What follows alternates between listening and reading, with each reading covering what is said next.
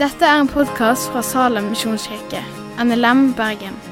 For mer informasjon om Salem, gå inn på salem.no.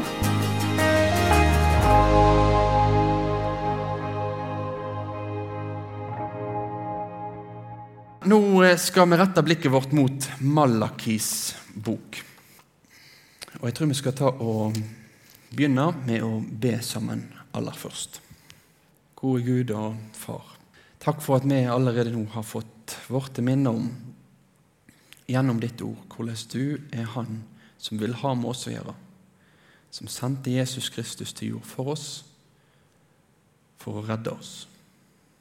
Takk for at vi sammen har fått lovprist deg for den du er.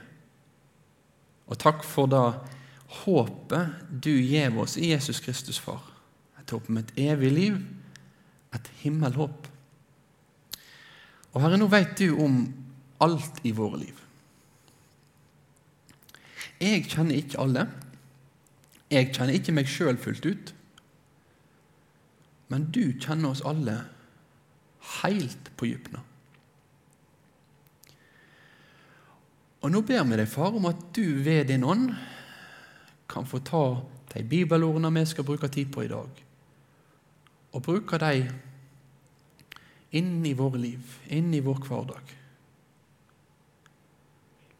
La oss få bøye oss for ditt ord, og la oss få ta ditt ord til oss, både det som kan være godt å høre, og det som kanskje av og til kan være litt krevende å høre.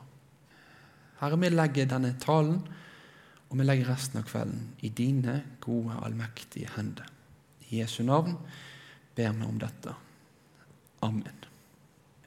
Jeg vil at du skal være med meg på et lite tankeeksperiment aller først. Tenk deg at eh, du jobber på til bords. Det kan være at noen gjør det. Da trenger ikke det være så voldsomt tankeeksperiment. Men du jobber på til bords, eller en gullsmed eller en eller annen butikk der en er opptatt av at varene de skal ta seg godt ut. Det skal se fint ut. Og du vet da, ifra dag etter dag i butikken så er det ett spørsmål du alltid skal stille. det Skal jeg pakke inn den her til deg i dag? Og du, De svarer ja, og du pakker det så flott inn. På ulike vis så lager du fine kreasjoner. Du sørger for at kunden virkelig kan ta med seg denne gava her og sette stor pris på den.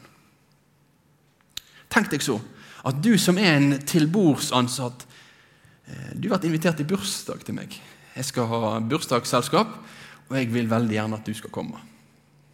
Ja da, du bestemmer deg for å stille. Og eh, du kommer, du kommer hjem til Camilla og meg og Amalie, og eh, du har tatt med deg gaver. gave. Og du slenger gava på bordet, og den ser sånn ut. Hva tror du jeg hadde tenkt da? Dette her er sånn som julegavene som jeg pakker inn, pleier å se ut. For jeg er ikke så flink med sånn pakkepapir. Og uansett hvor mye jeg anstrenger meg, så blir det ikke så fint. Men hvis jeg vet da at du bruker store deler av arbeidshverdagen din på å få ting til å se fint ut Du bruker store deler av arbeidshverdagen din på å få ordna ting sånn at det faktisk kan skinne. Du veit hva du holder på med, og så er du invitert i et bursdagsselskap, og så bare kleiser du noe papir sammen, kanskje noe ducktape på det, og du gidder ikke slenge på ei sløyfe eller noe som helst. Så roper dette til meg at Jeg bryr meg egentlig ikke så mye om deg. Kanskje du kan si ja, men hallo, jeg har jo kjøpt gaver til deg. Jeg har jo kjøpt noe. Det er ikke det du skal gjøre til bursdag, da. Du må jo være fornøyd med det du får. Ta til takke med dette her. Så kanskje jeg kjenne mitt hjerte, men bryr du deg egentlig om meg? Setter du egentlig pris på meg? Eller er du egentlig bare likegyldig?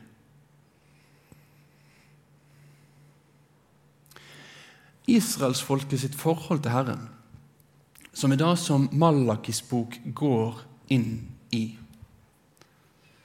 Det er et forhold som vi i går begynte å beskrive som et forhold som ikke ser Guds kjærlighet. Men nå i dag så skal vi fortsette til den neste konfrontasjonen mellom Gud og hans folk. I dag handler det om forakt. Israelsfolket sin forakt overfor Gud. De som var hans, frelst av Han, redda av Han. De som Han ville ha med å gjøre. Som egentlig svarer bare med å slenge en dårlig pakke på bordet. Et folk som ikke bryr seg om Herren. Nå skal vi lese dagens tekst. Og Vi skal lese et langt tekstavsnitt i dag. Vi skal lese hele den teksten som står på skjermen her på, om den andre konfrontasjonen. Det er fra kapittel 1 og vers 6 til kapittel 2 og vers 9. Jeg leser alt. Vi kommer ikke til å gå gjennom alt i detalj, men det er for at du skal få en liten smak av hva denne konfrontasjonen handler om. En liten smak av hva som ser ut til å ha prega deres gudsforhold. Og så vil jeg etter hvert prøve å vise deg at dette her er noe du og jeg òg kan lære mye om når det gjelder vårt forhold til Herren i dag. Men la oss lese sammen Malakis bok, kapittel 1 og vers 6 og utover. En sønn hedrer far sin, en slave herren sin. Er jeg far? Hvor er da min heder? Er jeg herre? Hvar er ærefrykt for meg, sier Herren over hærskarene, til dykk prester, det som viser forakt for mitt navn. Det sier Hvordan har vi vist forakt for navnet ditt? Det ber fram uverdig mat på alteret mitt. Det sier Hva har vi handla uverdig mot deg? Ved å si Herrens bord kan vi vise forakt. Når det ber fram et blindt dyr til offer, er ikke det gale? Når det kommer et dyr som er halvt eller sjukt, er ikke det gale? Hva om du kom med slikt til stattholderen din? Tror du han da setter pris på deg og tar vennlig imot deg? sier Herren over herskarene. Og nå, be om velvilje for Guds andlet, så han viser oss nåde. Men når det kommer slikt fra dykker han, kan han da ta vennlig imot deg, sier Herren over herskarene. Om bare noen av deg ville stenge tempeldørene, så det ikke til fånyttes kveitje eld på mitt alter. Jeg har ingen glede av dykk, sier Herren over herskarene. Jeg setter ikke pris på offer fra deres hånd. Fra der sol går opp til der sol går ned, er mitt navn stort mellom folkeslagene. Alle steder blir det tenkt offereld og båret fram rene offer i mitt navn. For navnet mitt er stort mellom folkeslagene, sier Herren over herskerne.» Men det vanhelger det når det sier at Herrens bord er uverdig, at maten på det er foraktelig frukt. Det sier for et strev! Og bles av det, sier Herren over hærskarene. Det kommer dyr som er røva, og med dyr som er halte eller sjuke når det kommer offer. Skulle jeg sette pris på noe slikt fra dere han, sier Herren. Forbanna er den som fer med svik, som har et hanndyr i buskapen og lover å gi det til Herren, men i staden ofrer et dyr som er skadd. For jeg er en stor konge, sier Herren over hærskarene. Navnet mitt er frykta mellom folkeslaga. Og nå, til dykk prester, er dette både.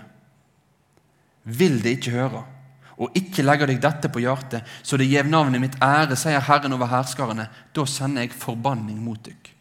Jeg forbanner dykkar velsigning. Ja, jeg har forbanna henne for du ikke ligger dykk på hjertet.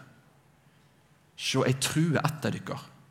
Slakteavfall for festene dykkar kaster jeg i andletet på dykk, og sammen med det skal det bæres bort. Da skal de kjenne at det er jeg som har sendt dykk dette bådet, som i pakt med Levi kan stå ved lag, sier Herren over herskarene. Min pakt med han var liv og fred som jeg gav han. Han skulle ha ærefrykt for meg og skjelve for navnet mitt sann rettleding var i hans munn. Det fantes ikke svik på leppene. I fred og rettferd vandra han med meg og fikk mange til å vende om for skyld. For prestens lepper tek vare på kunnskap. Rettleding skal en søke fra hans munn, for han er sendebåd fra Herren over herskarene. Men det har bøyd av for veien. Det er gjeve slik rettledning at mange har snubla. Det er bråte Levi-pakta, sier Herren over herskarene. Derfor gjør jeg dykk ynkelige og forakta av hele folket. For det følger ikke mine veier, men gir skil på folk når det rettleder. Amen.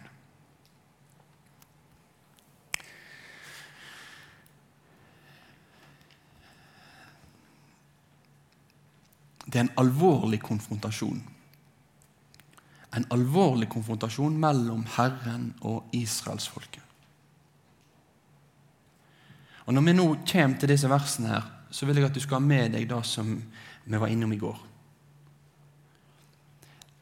Vi beveger oss nå inn i en del av Malakis bok i dag, i morgen og på lørdag, som er preget av veldig mange domsord veldig mange ord som avslører israelsfolket sine synder. Der Gud kaller dem til omvendelse, til å snu seg bort fra det som er galt.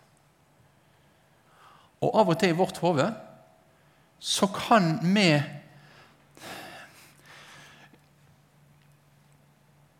Kan vi spille Guds kjærlighet ut mot Guds eh, sannhet?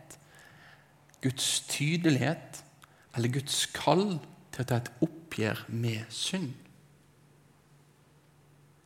Men vi skal merke oss at hele Malakis bok begynner med akkurat den understreking av at den Herren som kommer med disse domsordene, som kommer med dette kallet til omvendelse, det er Han som elsker sitt folk. Når Herren avslører, gjør han ikke det for å være slem. Når Herren avslører, så gjør ikke han for at han skal sitte oppe i himmelen og godte seg over hvor forferdelige menneskene er. Det er det motsatte som er siktemålet.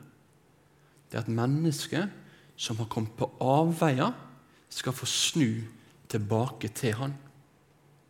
Og Da må vi ha klart for oss når vi beveger oss inn i disse avsnittene. Denne teksten her, den handler om forakt.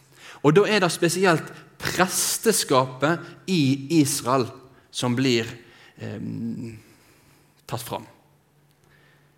Og Så sitter du kanskje her og så tenker du ja, da var jeg på møteveka, og så var det en tekst om å være prest i Israel. og Sist jeg sjekka, er jeg ikke israelitt, og jeg er heller ikke en jødisk prest. Så hvordan kan dette ha noe å si for min hverdag i dag?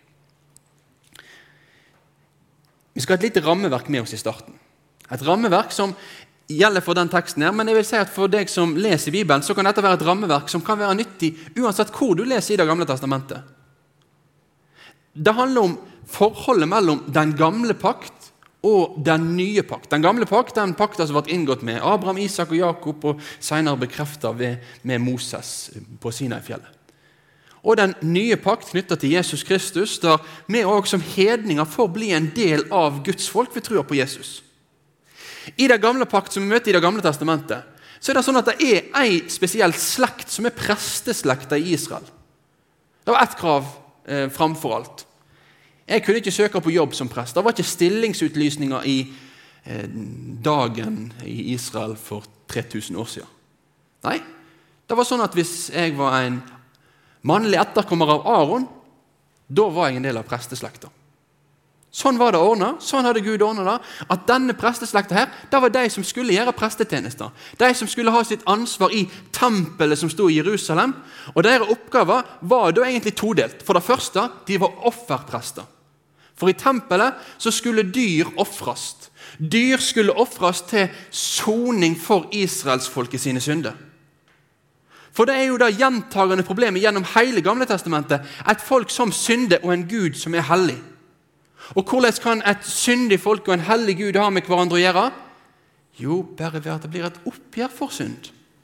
Og Her hadde prestene en helt sentral rolle, ved at de fikk bære dyr fram for at dyrene da skulle være folk i sine stedfortredere. Så De hadde ei offertjeneste der. Og I tillegg så bar de fram takkeoffer for folket. Når kornavlingen kom, og når hausten kom, ja, da skulle de få komme med førstegrøden til tempelet. Og så skulle det få bæres fram for Herren i takk til Han. Og Det var en del av deres oppgaver. Så de var offerprester. De hadde dette som sin tjeneste. Det var livet deres. Å ta imot disse dyrene, ta imot disse ofringene og bære dem fram for Herren. Det var en stor oppgave Herren hadde tiltrodd dem. Det var en stor nåde at de skulle få ha denne oppgaven her. Og I tillegg så var de òg veiledere for folket. I Gamle testamentet har vi en del profeter, som Malaki og som andre. Men vi har òg prestene. Prestene som skulle veilede folk i hva som var sunt, rett og godt ut ifra Guds vilje, sånn som den sto i Moseloven. Og Dette var egentlig deres hovedarbeid. Dette gammeltestamentlige rammeverket det kan være greit å ha med i bakhodet. Og så vil jeg også at du kan ta med deg det som står på høyresida. For i Det nye testamentet så, så skjer det òg noe med forståelsen av hvem som er prester. Hva prestene sin oppgave er, og hva en da skal holde på med. For i Det nye testamentet så er det ikke lenger sånn at det er ei spesiell slekt som er prester. 1. Peters brev kapittel 2 beskriver hvordan alle mennesker som har fått kommet til Jesus, nå er blitt en del av Guds kongelige presteskap. Så Alle kristne er på denne måten her forstått prester. Martin Luther han sa det en gang Jeg, jeg synes det er knakende godt sagt egentlig da. Han sa at alle kristne er prester, men ikke alle er sokneprester. Og Det kan være litt sånn greit å ha klart for seg. Det betyr ikke dette her at ikke en kan ha noen personer som er sokneprester eller pastorer eller eldste hyrder. Det er ulike tjenesteoppgaver i Guds forsamling òg. Og pastoralbrevene, 1. 2. Timoteus brev og Titus brev, skriver ganske mye om hva en da skal vektlegge når en skal få se etter personer som kan gå inn i sånne tjenester. Men det helt grunnleggende er at du og jeg som tror på Jesus, vi er en del av Guds presteskap. Sånn er det i dag. Jeg en Herrens prest, om jeg har krage eller ikke. Og hva er vår prestetjeneste knytta til? Jo, på mange måter er det det samme som i Gamle testamentet, men annerledes. Vi er også kalt til å veilede, formane hverandre, så lenge det heter i dag. Vi skal få oppmuntre hverandre, lære hverandre opp i hva Gud har sagt i sitt ord. Vi har et ansvar for hverandre og støtte hverandre og bære hverandre på himmelveien. Det er et allment kristent ansvar. Og så er vi også kalt til å bære fram offer. Vi skal ikke bære fram offer til synd. Jesus har en gang for alle gjort opp for alle våre synder. Men i denne teksten i 1. Peters brev så er det snakk om at vi som er Guds kongelige presteskap, vi er kalla til å bære fram åndelige offer. Og Dette handler om det livet jeg skal få leve i prestetjenester for Herre. Der jeg skal få få, få leve mitt liv i takknemlighet for Han. Og Gjennom Nytestamentet så kan vi se at disse ofrene som kristne bærer fram, det kan være knytta til vår lovprising. Det kan være knytta til vår vitnetjeneste, det kan være knytta til våre gode gjerninger overfor våre medmennesker. Sånn er jeg kalt til å være prest. Jeg er kalt til å være en prest som gjør det gode mot de jeg har rundt meg. Så et litt sidespor, men et rammeverk som kan være viktig for oss likevel, når vi nå skal touche innom hva var det egentlig som var problemet i Israel. Hva var det som var problemet til presteskapet i Israel? Hvor var det det svikta?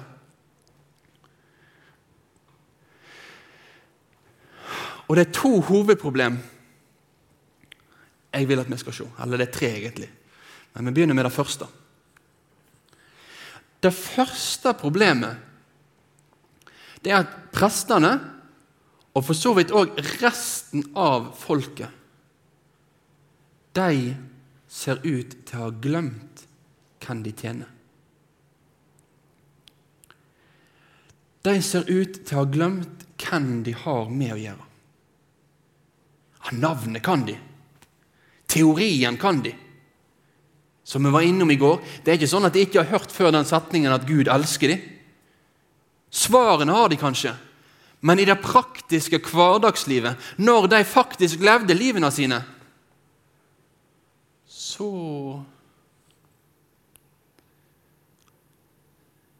er det en feilkobling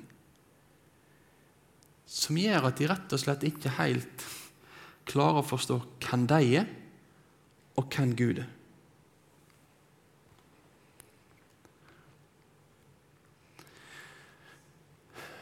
For en rett forståelse av hvem Gud er, og at de skulle få være i tjeneste for Han. Det var jo noe som skulle kunne føde takknemlighet.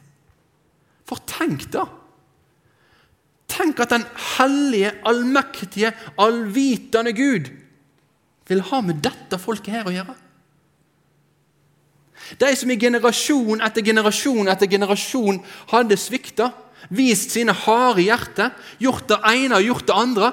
Gud ville ha med dem å gjøre. Han hadde ikke noen forpliktelse til at han skulle ordne opp i menneskeslekta sine synder. Men han, han, han hadde satt i stand en ordning for dem, så de kunne få leve sammen med Herren. Tenk hvor stort! Ei glede! Wow!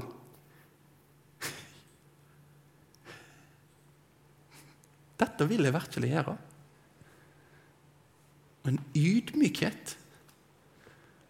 For Hvis jeg forstår at Gud er Gud, og jeg egentlig er ganske hjelpeløs uten Han Så er ikke det jeg som er stor. Da er det Han som er stor. Og når Han er stor, så må jeg bøye meg for Han.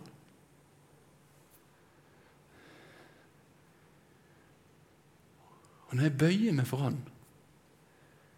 så medfører det òg at jeg må bøye meg for Hans vilje.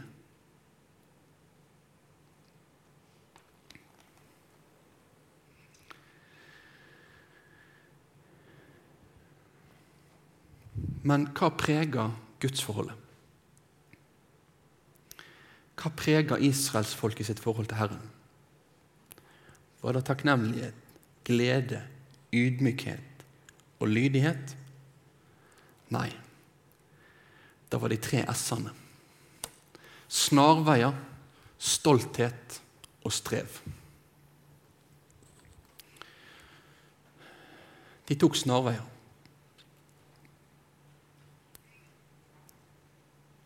Når vi leser disse tekstene her i Gamle Testamentet, så, så, så er det en så annerledes hverdag enn den vi er vant til å tenke ut ifra. Og kanskje vi av og til kan synes det er litt merkelig. Hvorfor reagerer Gud så voldsomt på at det er blinde dyr eller halte dyr som blir ofra? Er ikke de like mye verdt som alle andre dyr? Jo, er, de, de er skapt av Gud. De er ville av Gud, de dyrene òg. Men det er faktisk en veldig praktisk side av dette. her. Og det er faktisk at Hvis du tenker at du du driver en gård, eller du har en del dyr, og du har to kyr eller to sauer. En er blind, en er ikke. Hva vet du da? Jo, da vet du at den blinde sauen den er nok ikke mye hjelp å få av framover. Mens den andre det er den som egentlig er best for jordbruket å ha. Og Så var det nok en del bønder rundt omkring i Israel som så dette og så tenkte at Gud får ta restene. Gud trenger ikke det beste. Nei, ærlig talt. Kan, kan ikke han ta denne blinde kua, da? Jau da, det må nå gå greit, da.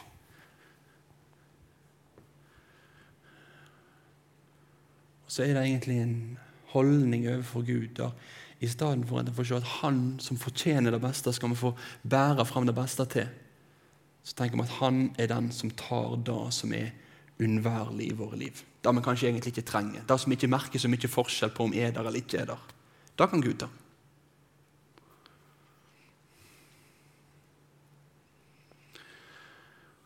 Det er en stolthet.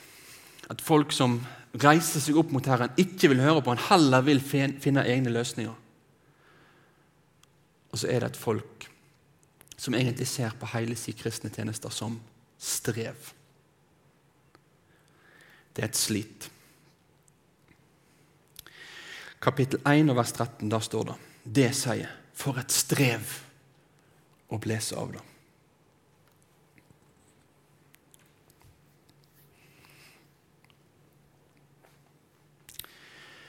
Hvordan er det for oss i vår tjeneste for Herren? Du som har kommet til tro på Jesus Kristus, fått blitt en del av hans presteskap i dag. Hvordan ser du på den tjenesten du har i din hverdag?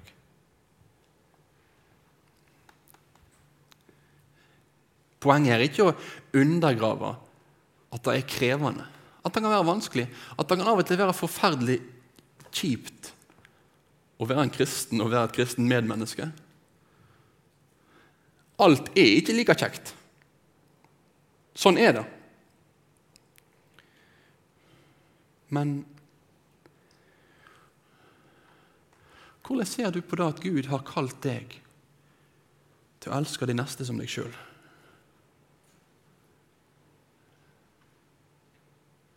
I kveld, i morgen, i dagen etterpå.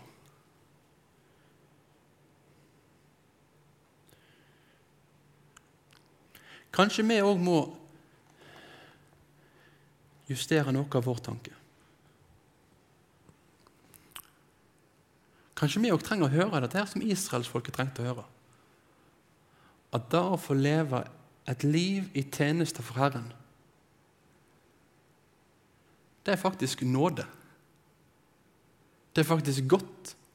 Det er faktisk stort. Det er en sånn misjonssang som, eh, som jeg har sunget noen ganger, iallfall. Tenk hvilke strev det er fra Gud at vi må være Hans sendebud. Sånn er ikke den. den er, tenk hvilken nåde det er av Gud at vi får være Hans sendebud.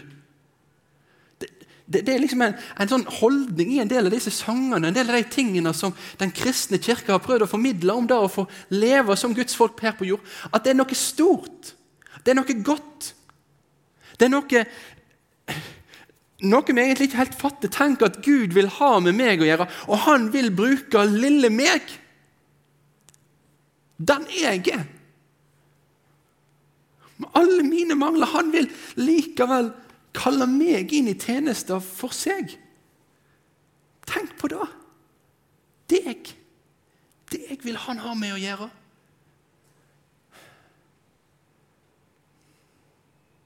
Ikke glem det. Ikke bli som vekkelsens barnebarn i Israel. At kristenlivet bare blir en sånn her tralt der jeg bare gjør det jeg må gjøre. Men se at det er stort å få være kjøpt av Jesus, å få tilhøre Jesus og få leve med Han. Det er det ene problemet. Det andre problemet Det andre problemet her, som egentlig er det som også virkelig gjør dette er veldig alvorlig for israelsfolket, det er da at disse dyreofringene disse dyreofringene som de forakta, da var deres redning. Det var deres håp. For Gud hadde ordna det sånn at disse dyrene her, de skulle ta straffa i stedet for israelsfolket. De skulle gjøre opp for israelsfolket sine urett. Det som de israelsfolket fortjente, det betalte dyrene for. Gud hadde ordna med en redning, en frelsesvei, et frelsesverk. Og så er det altså israelsfolket egentlig gjør, når de nå forkaster eller begynner å tukle med hele disse offerordningene. Det er jo egentlig at de forkaster Guds gode redningsvei for dem. Det å vrake Guds gode ordning for soning av synd, det var katastrofalt den gang. Det var katastrofalt for israelsfolket hvis det ikke var et oppgjør for dem. Og det er katastrofalt i dag òg hvis ikke det er et oppgjør for oss. Alle disse ofringene i Gamle Testamentet de peker fram mot Jesus. Vi skal ikke bruke mye tid på det nå, men det er en sånn liten sak som at Paulus i 1. Korinterbrev sier at vårt påskelam er slakta, og det er Kristus.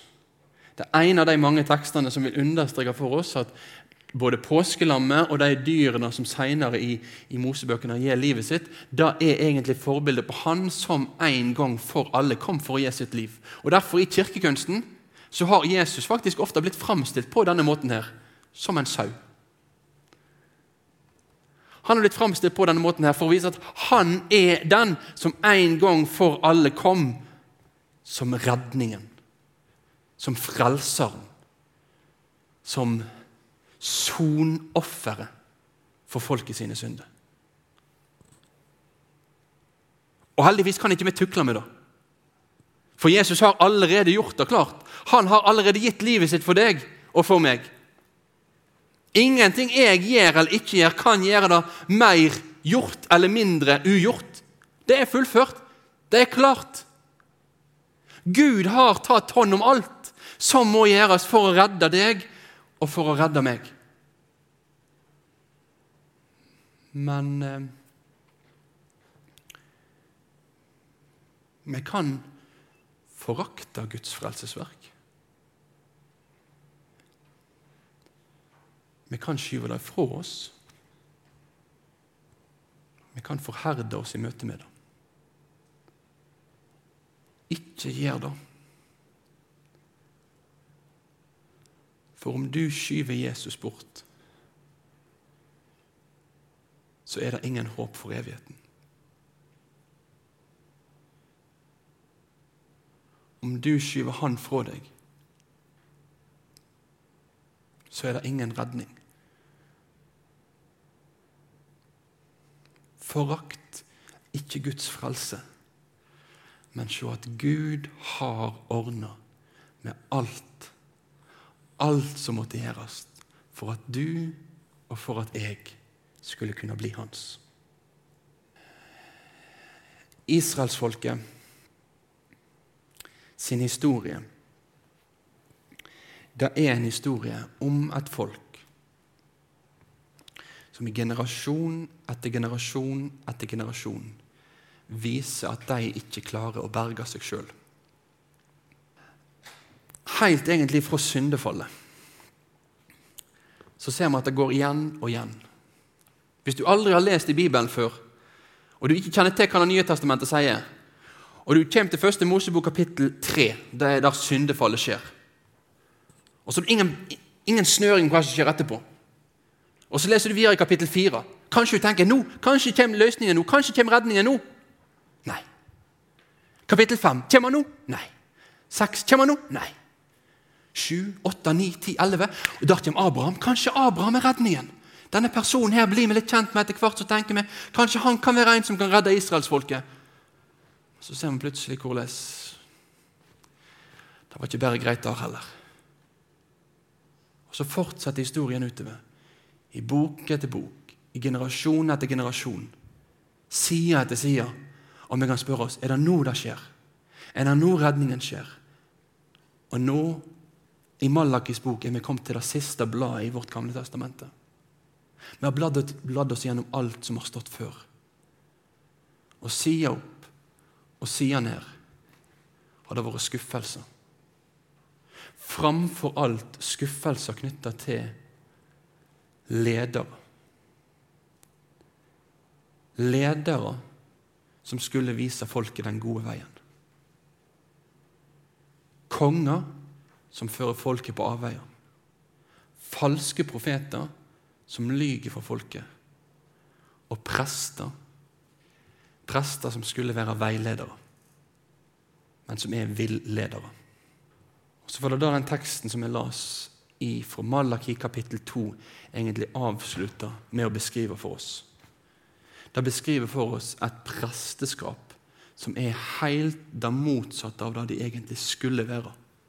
De skulle formidle Guds velsignelse, men pga. deres synd, pga. deres forakt, deres hovmod, så står de under Guds forbannelse.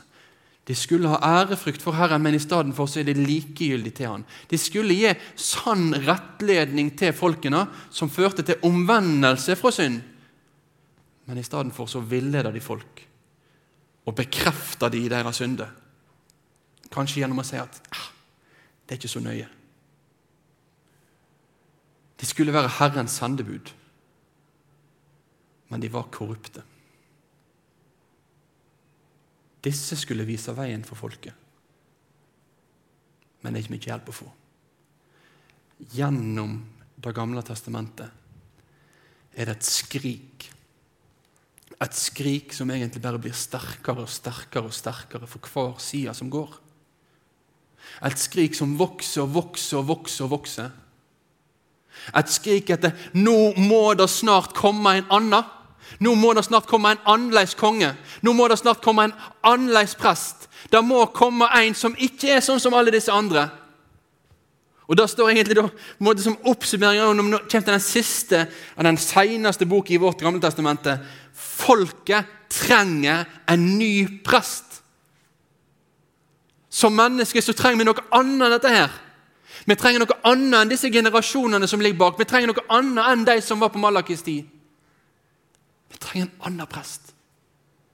En bedre prest. En som er sånn som han skulle være. Og Så går vi til Nytestamentet. Men Jesus har et prestedømme som ikke tar ende, fordi han er og blir til evig tid. Derfor kan han òg fullt og helt frelse de som kommer til Gud ved Han siden han alltid lever og går i forbønn for deg. Ja, en slik øversteprest var det vi trong. Heilag, uten vondskap, rein, skilt fra syndere og opphøyd over himlene. Han trenger ikke, som andre øversteprester, bære fram offer hver dag, først for sine egne synder og så for syndene til folket. For offeret bar han fram en gang for alle da han ofra seg sjøl. De som lover sitt inn som øversteprester, er veike mennesker. Men gjennom ordet, som ble stadfest med eid, og som, en, og som kom senere enn lova, blir Sønnen innsett. Han som for evig har nådd fram til fullendinga. Ja. Så er det på en måte kapittel 8. Da hopper vi videre. Og Da forstår Hebreabrevets forfatter Nå datt vi kanskje litt av på slutten. her. Her var det noen ulike typer prester. og sånt. Så nå kommer vi tilbake. Hovedsaken. Hva er det dette handler om? Hovedsaken i det vi her taler om, er dette. En slik øversteprest er det vi har. Og han har sett seg på høyre side av majestetens kongsstol i himmelen. Der gjør han tjeneste i helligdommen, den sanne telthelligdommen, som er reist av Herren sjøl og ikke av mennesket.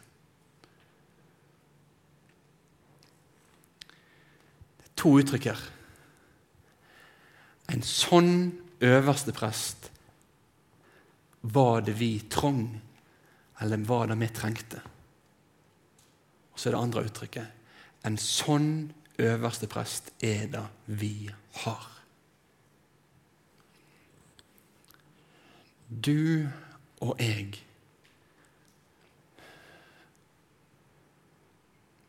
Vi trenger en prest som tar ansvar for oss. Som går inn i himmelen for oss, for Guds ansikt, og gir soning for alle våre synder. Vi trenger en som er rein, en som er til å stole på. En som ikke den verste gravejournalist kan klare å finne noe snusk på. Vi trenger han som er fullkommen og han har vi. Jesus Kristus. Han er den som kom. Jesus Kristus er motstykket til prestene i Malakis bok. Og du og jeg, vi skal i dag få tro på Han og leve i tjeneste for Han. I takknemlighet, i glede i ydmykhet og i lydighet mot Hans ord. Amen. Takk for at du har hørt på podkasten fra Salem, Bergen. I Salem vil vi vinne, bevare, utruste og sende, til Guds ære. Vi ønsker å se mennesker finne fellesskap, møte Jesus og bli disippelgjort her i Bergen og i resten av verden. Vil du vite mer om oss, gå inn på salem.no.